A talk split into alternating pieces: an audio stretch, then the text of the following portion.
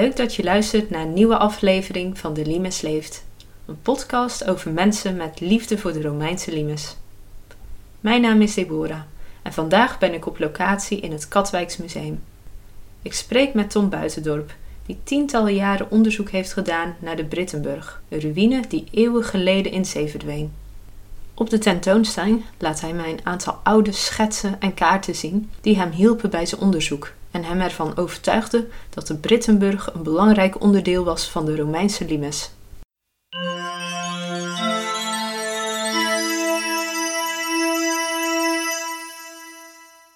Ja, ik ben eh, Tom Buitendorp. Ik schrijf boeken over uh, archeologische onderwerpen. En ja, zeg ik zelf wel, de, de cold cases van de archeologie. Dus oude zaken die onoplosbaar leken, probeer ik dan toch op te lossen. En dat is lang geleden begonnen met uh, Forum Hadriani, uh, de Romeinse stad bij Voorburg, bij Den Haag. En dat heb ik uh, ja, over tientallen jaar verspreid artikelen over geschreven en uitgezocht. En daar ben ik in 2010 op gepromoveerd. En parallel daaraan was ik ook onderzoek naar doen aan, naar de Brittenburg. Want die is al eeuwen geleden in zee verdwenen en één groot mysterie. En daarvan was eigenlijk het idee van nou, we zullen wel nooit meer weten wat het is. En dat, uh, dat vond ik een enorme uitdaging. En daar ben ik dus ook uh, ja, in gaan neuzen en zoeken. En dat heeft ook een onderzoek opgeleverd. En uiteindelijk dan een boek en een tentoonstelling, tijdelijke tentoonstelling in het Katwijks uh, Museum. Ja, want je bent dus van oorsprong ben je geen archeoloog. Wat heb je wel gestudeerd? Ja, ik heb bedrijfseconomie gestudeerd in Rotterdam. Dus inderdaad heel wat anders. Ik ben daarna een jaar of tien in de journalistiek terechtgekomen. En daarna het, in het bedrijfsleven en de politiek. En parallel daaraan uh, ja, was ik lid van, of ben ik dat nog steeds, maar was ik al heel vroeg lid van de, de AWN, de Vereniging van Amateur-Archeologen, vrijwilligers in archeologie, uh, zoals ze tegenwoordig noemen. Want als tiener kreeg ik de onverwachte kans om bij Vechten, vlakbij Utrecht, bij een Romeins fort te gaan graven. Daar bleek dwars door een Romeins fort een afslag aangelegd voor de snelweg destijds. En die grond die was op een grote hoop gegooid, de stort. En archeologen vonden dat minder interessant, omdat de sporen al verstoord waren. Maar gaven wel aan van als vrijwilligers daar willen graven, dan kan dat. En zolang ze maar netjes melden wat er wordt gevonden, dan, uh, dan is het alleen maar goed. Dus ik ben daar uh, samen met een vriend gaan zoeken met heel veel anderen. En dat was voor mij het begin, want dan is het, het is heel spannend om daar dan te, te graven. En uh, de, de, spanning van ga ik wat vinden.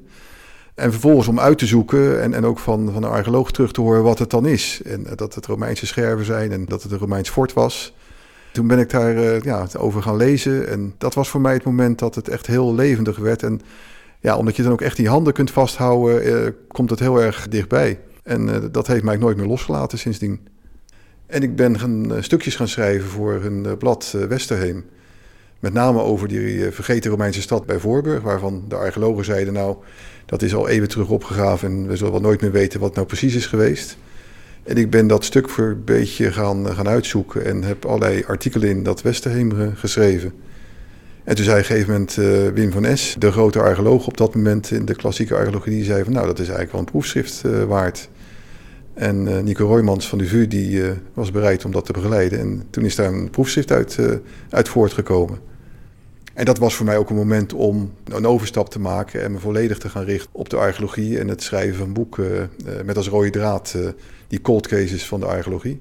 Want dat is wel iets wat veel naar boven komt en wat ik eigenlijk heel interessant vind om te weten. Die cold cases, dus eigenlijk zaken die dan onopgelost blijken te zijn. Waarom juist die interesse daarvoor? Ja, het is inderdaad wel het, uh, het element van het avontuur. Het uh, toch wel een beetje het jongensboekachtige in oude documenten zoeken en, en, en, als een soort puzzel dat weer in elkaar leggen. En in het geval van Romeins Voorburg was het heel bijzonder dat dat is in begin 19e eeuw opgegraven door Reuvens. En ze zeggen wel dat dat de eerste echte archeoloog was, de eerste wetenschappelijke opgraving in Nederland en misschien wel ter wereld. Maar die man die is heel plotseling overleden. En uh, ja, dat materiaal is in de museumlades uh, verdwenen. En er was het beeld van, nou ja, dat is zo lang geleden en zulke oude technieken, daar kunnen we niks meer mee. En ik ging in zijn dagboeken neuzen en in die oude kaarten. En ik herkende eigenlijk dingen die je als moderne archeoloog ook uh, in opgravingsverslagen ziet.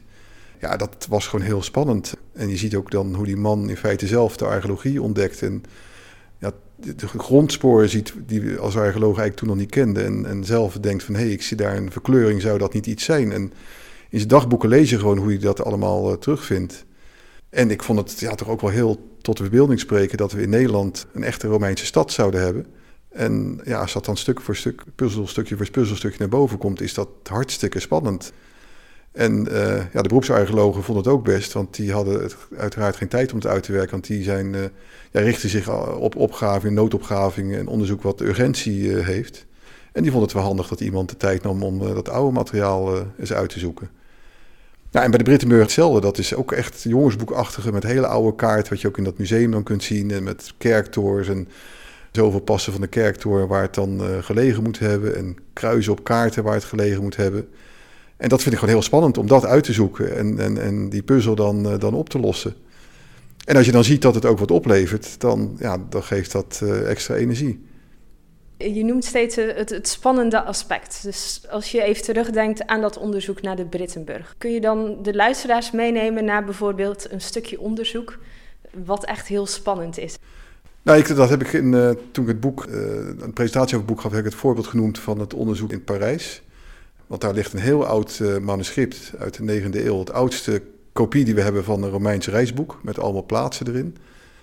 En het is dan heel spannend als je daar uh, als onderzoeker echt in dat document mag kijken. Want dat is uh, heel goed beschermd, want het is heel oud. Dus je moet helemaal beargumenteren waarom je dat dan wil inzien. En als je dan eenmaal daar toestemming voor hebt en je komt daar ter plekke, dan duurt het nog een uur voordat je binnen bent, omdat er allerlei beveiligingsmaatregelen zijn. En dat geeft het al iets spannends. Dan heb je echt het idee van, hé, hey, ik ga nu iets bekijken wat heel bijzonder is. En dan kom je binnen en dan ligt dat hele oude document daar klaar. En daar kun je dan gewoon zelf lekker in uh, inbladeren. En uh, in dit geval een prachtig oud handschrift, uh, waarvan je kunt zien dat het nog echt perkament is. Je ziet op die bladen bijvoorbeeld zie je de zwarte puntjes van de huid van de dieren. Dus je voelt gewoon de oudheid van het, van het materiaal. En in dat boek staat dan ook de route beschreven door Romeins-Nederland. Die begint bij de Romeinse plaats Lugdunum. En dat luchtdunum staat in hele grote rode letters. En daarboven staat Lutetia bijvoorbeeld, het, Romeinse Parijs. En dat staat in kleine, kleine zwarte letters. Dus dan krijg je zo'n gevoel van, ja, dat is toch wel iets bijzonders geweest, dat luchtdunum. En uh, ja, dat zie je dan in zo'n document terug. En dat, dat, dat is dan weer een ex, extra prikkel om toch te kijken, wat is dat luchtdunum dan geweest? En archeologen hebben altijd gezegd, ja, dat is in zee verdwenen, dus we zullen nooit weten wat het is. Maar dat, ja, dat maakte voor mij dan extra spannend. Want er staat zelfs Luchtdunum het hoofd van de Germaniën. En nou ja, dat heeft toch wel een klank van iets, uh, iets bijzonders uh, geweest te zijn. En dan ga je in andere kaarten kijken. En dan is er bijvoorbeeld de uh, oude kaart van Ptolemeus, een Griekse geograaf. En die beschrijft dan ook een stuk van Romeins-Nederland. En daar komen maar twee plaatsen in voor. Romeins-Nijmegen, waarvan we weten dat het veruit de grootste vindplaats van Romeinse oudheid is. En ook weer Luchtdunum. En hier in het Katwijksmuseum als laatste heb je een kaart, een Romeinse reiskaartenkopie. En daar staan twee plaatsen op, Romeins Nijmegen en Lugdunum. Als speciale plaatsen aangegeven met een speciaal symbool. Nou ja, als je dat soort dingen allemaal ziet, dat, ja, dat, dat maakt het wel heel spannend. Dan krijg je het gevoel van, ik ben toch wel iets op het spoor. En dat maakt het uh, heel uitdagend. Voor de luisteraars misschien nog even handig, want we hadden het eerst over de Brittenburg. Zo wordt dat voortgenoemd wat in zee is verdwenen. En nu hebben we het over Lugdunum. Misschien kun je even vertellen hoe dat met elkaar gelinkt is. Ja, precies. Dat zal ik inderdaad uitleggen. Want het is wel grappig. Even terug heeft Leiden geclaimd van nou dat Lugdunum dat begint met een L en Leiden ook. Dus dat is natuurlijk vroeger Leiden geweest. Maar nadien is wel duidelijk geworden dat het uh, in zee verdwenen moet zijn. En de Brittenburg is ook een oude ruïne die uh, in zee is verdwenen. En ik heb met mijn onderzoek laten zien dat het een Romeinse ruïne is geweest, een groot Romeins fort. En ja, daar vallen dan de puzzelstukjes in elkaar, omdat Lugdunum dan een belangrijke plaats was. En met een aantal andere zaken dat nog gecombineerd ben ik tot de conclusie gekomen dat Lugdunum een, een heel groot eh, Romeins fort geweest moet zijn. Met eromheen ook een groot dorp voor de vrouwen van de soldaten en de kinderen en de handelaren en dergelijke. En dat is Lugdunum wat we van de kaart kennen, dat we ja, nu eigenlijk voor het eerst ook een beetje een beeld hebben wat dat dan geweest is.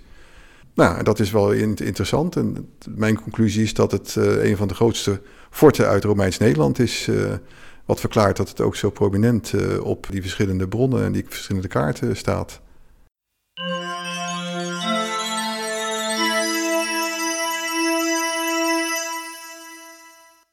We staan hier in de zaal van de tentoonstelling. Misschien kunnen we even naar een van die bronnen waar je kunt beschrijven wat er te zien is uh, en welk puzzelstukje in je onderzoek dat was. Ja, ik loop, ik loop dan even naar een witte ladekast. Want dat vinden de bezoekers ook wel leuk, want die kunnen zelf dan die lade opentrekken. En komt daar een kaart tevoorschijn uit 1581. Een tekening van de Brittenburg. Met ernaast het boekje van Dijkstra Ketelaar. Die hebben dat een half jaar, halve eeuw geleden geschreven. En dat was tot nu toe eigenlijk het boek over de Brittenburg. En hun conclusie was dat we hebben eigenlijk maar één document over de Brittenburg. En dat is deze kaart. Kaart van de Brittenburg uit 1581.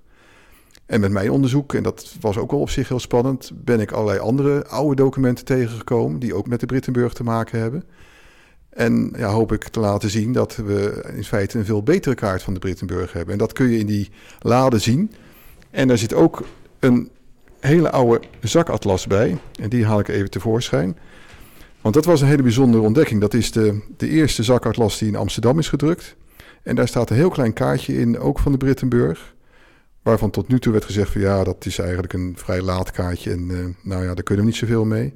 En ik laat in mijn onderzoek zien dat dit waarschijnlijk de oudste versie is van de originele kaart die ooit op het strand is gemaakt van de Brittenburg. En dat is in het onderzoek heel belangrijk, want met andere dingen die ook hier in de tentoonstelling te zien zijn, herken je elementen van het kaartje in andere waarnemingen. Bijvoorbeeld een Romeinse poort die eh, later is gezien, die staat ook op dat kaartje. Een bepaalde steen met een inscriptie die eh, in andere teksten voorkomt. En het laat zien dat we veel meer van de Brittenburg weten dan we dachten. En dit uh, kleine zakatlasje, wat, wat, hier zo heel uh, open ligt en het is een beetje lichtgroenig in die tijd ingekleurd, in die uh, oude tijd. ja, dat is, was een van de belangrijke dingen in het onderzoek die ja, echt wel een doorbraak opleverde. Omdat ik ja, opeens een, een echte plattegrond herkende van een Romeins fort, zoals we, het, zoals we dat tegenwoordig ook kennen. Terwijl de, de kaart die we tot nu toe kenden uit 1581, ja, dat is dan toch meer een soort fantasieplattegrond. En als je naar die kaartjes kijkt, dat zijn dus getekende kaarten uit de 16e eeuw, al heel oud. Dus betekent dat dat in die tijd dat fort nog zichtbaar was? Ja, klopt. Dat is het hele spannende verhaal van de Brittenburg. Vanaf 1400 komen de berichten van er ligt iets, uh, er komt een, een, oud, oude ruïne tevoorschijn. Vooral in de 16e eeuw zijn daar ook uh, wat, wat grotere verhalen over en verschijnt er voor eerst een kaartje. Rond 1750 is hij uiteindelijk voor het laatst gezien en daarna volledig in zee verdwenen. En zijn er allerlei mythische verhalen over uh, ontstaan. En ja, het is zo mooi dat we nu een kaartje hebben dat aangeeft, waarschijnlijk de situatie in 1552, hoe die ruïne op het strand uh, tevoorschijn is gekomen, want er door de storm een stuk zand was weggeslagen. En die ruïne is tevoorschijn gekomen en iemand heeft daar een eigenlijk wel vrij nauwkeurige tekening van gemaakt. En dat is al heel bijzonder. Want het was een tijd waar het uh, normaal was om schatgraven te doen en je zocht gouden munten en dan ging je weg. En hier heeft iemand de moeite genomen om echt een redelijk nauwkeurige tekening te maken. Wat ja, voor Nederland in ieder geval de oudste tekening is, uh, die we hebben. En misschien wel in Europa en heel misschien zelfs wel uh, wereldwijd. waarbij archeologen natuurlijk wel zullen zeggen, ja, het was niet echt een opgraving, want het kwam toevallig tevoorschijn. Dus het is niet met het doel opgegraven om onderzoek te doen, maar er heeft wel iemand keurig een kaartje gemaakt en zelfs aangegeven waar het noorden lag en maten erbij gezet. Dat is uniek. En dat maakt ook het hele onderzoek naar de Brittenburg uh, internationaal interessant. Het is niet alleen de hoeksteen van de Limes, de Romeinse grensverdediging dwars door Europa, maar het is ook het eerste uh, ja, onderzoek wat gedocumenteerd is. We hebben uit 1520 een eerste opgavingsverslag in feite en uit 1552 een soort van eerste opgravingskaart. wat dat betreft ook, is, is de Brittenburg ook daarom eh, heel, uh, heel interessant. Het feit dat in de 16e eeuw en eerder dat fort tevoorschijn kwam, uh, laat ook een stukje zien van ook weer de strijd tegen het water, wat in Nederland natuurlijk sowieso een groot onderwerp is. Betekent dan ook dat de zee zichzelf heeft verlegd? Ja, klopt. En dat maakt ook één element wat het zo spannend maakt om onderzoek te doen naar de Brittenburg. Want de berekening is dat er ongeveer sinds de Romeinse tijd een kilometer van de kust is uh, verdwenen. Dat kun je in Katwijk uh, heel mooi zien aan het oude kerkje. Want dat is ooit in het centrum van Katwijk gebouwd in 14 zoveel. En dat staat nu aan de rand van de boulevard. Tot voor kort zelfs aan de rand van de zee. Dus er is nu wat uh, strand bijgekomen. Maar lange tijd stond het kerkje aan de rand van de zee. Dus kon je heel goed zien dat er een heel stuk is verdwenen. En voor 14 zoveel is er nog veel meer verdwenen van de kust. Dus de Brittenburg, dat Romeinse fort, lag ooit netjes veilig achter de duinen. En is op een gegeven moment onder de duinen verdwenen. En na 1400 uh, op het strand langzaam tevoorschijn gekomen. En zo langzaam in zee verdwenen doordat die kust is afgebrokkeld. En hebben we bijvoorbeeld ook uit 17, rond 1750 de eerste nauwkeurige metingen van de, de zeespiegel. Wat weer heel actueel is nu, omdat we toch bang zijn dat die zeespiegel verder gaat stijgen. En daar heeft iemand rond 1750 blijkt heel nauwkeurig een aantal maanden lang de zeespiegel gemeten. En dan kun je zien dat hij toen inderdaad een stuk lager stond dan tegenwoordig. Dus je ziet daar eh, duidelijk een stijging in terug. Dus dat Hollands, typisch Hollandse verhaal van de strijd tegen de zee, dat komt terug in de Brittenburg. Het blijkt dat de Romeinen al tegen de zee, tegen het water hebben gevochten. En onder andere hele grote blokken tussteen langs de, de oever hebben aangelegd. Om dat Romeinse kasteel uh, te beschermen tegen het water. En uiteindelijk, dat sprak in de, in de, de latere tijd uh, sterk tot verbeelding, dat dat enorm machtige Romeinse fort door die kennelijk nog machtigere zee is verslonden. En een kaartje van de 16e eeuw van Nederland zie je ook heel vaak de Brittenburg daar dan in zee getekend. Uh, omdat dat heel erg ook in het buitenland tot de verbeelding sprak. Dat dat enorme fort ja, toch had moeten toegeven aan de kracht van de zee. Dus inderdaad, het verhaal van uh, de strijd tegen het water is, loopt als een rode draad door het verhaal van de Brittenburg heen.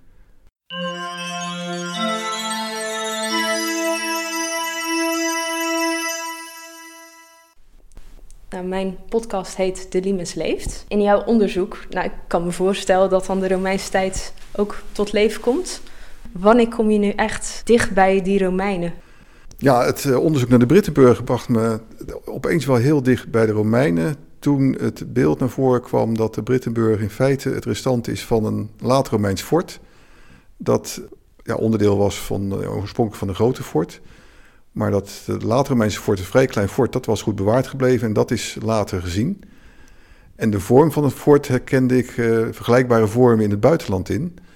En dat maakt het mogelijk om eigenlijk een redelijk goed beeld te vormen van hoe dat fort eruit gezien kan hebben. Nou, we hebben daar ook een reconstructietekening van gemaakt. En dan komt het opeens heel dichtbij, omdat je je dan kunt voorstellen hoe een paar honderd soldaten, Romeinse soldaten, in de late Romeinse tijd daar verschand zaten in dat fort. En ja, je echt een voorstelling kunt maken hoe dat in die tijd uh, gegaan is. En uh, hoe eenzaam dat ook geweest moet zijn. En in een ruige, vijandelijke omgeving, uh, dicht bij die woeste zee. En ja, daarmee komt ineens die Limes, het, het, echte leven aan de Limes, komt, kwam voor mij heel, heel dichtbij. En een ander voorbeeld was het badhuis. Er zijn resten gevonden in 1667 die ja, was zeer waarschijnlijk een Romeins badhuis waren. En dat is weer grappig als je dan in Katwijk bent, dat je een typische uh, badplaats, uh, dat het blijkt dat het uh, 2000 jaar terug bijna ook al een badhuis heeft gehad. Dus je zou kunnen zeggen de oudste badplaats van Nederland. En daar zie je dan ook weer de link met het heden opeens. Dat die ligging, ja, dat dat een soort rode draad is. Het is, zit geen continuïteit tussen, maar het is wel grappig om dat dan te zien, dat het nu ook nog steeds leeft.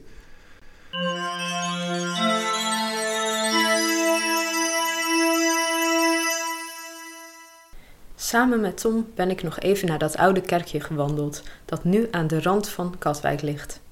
Wandelend langs de boulevard en starend in zee is het heel bijzonder om te bedenken dat ergens onder water nog een oude Romeinse ruïne ligt. Als je de tentoonstelling wilt bezoeken, moet je snel zijn. Hij is nog tot 25 mei te zien in het Katwijks Museum. Het boek blijft uiteraard beschikbaar via Sidestone Press.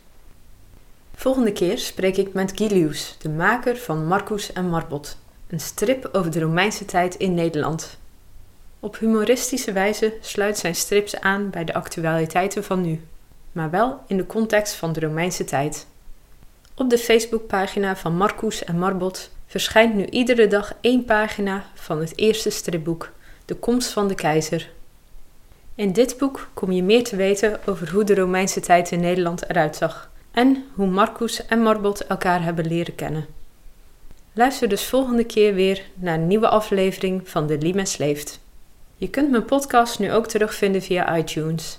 Daar kun je je gratis abonneren, zodat je nooit meer een aflevering hoeft te missen.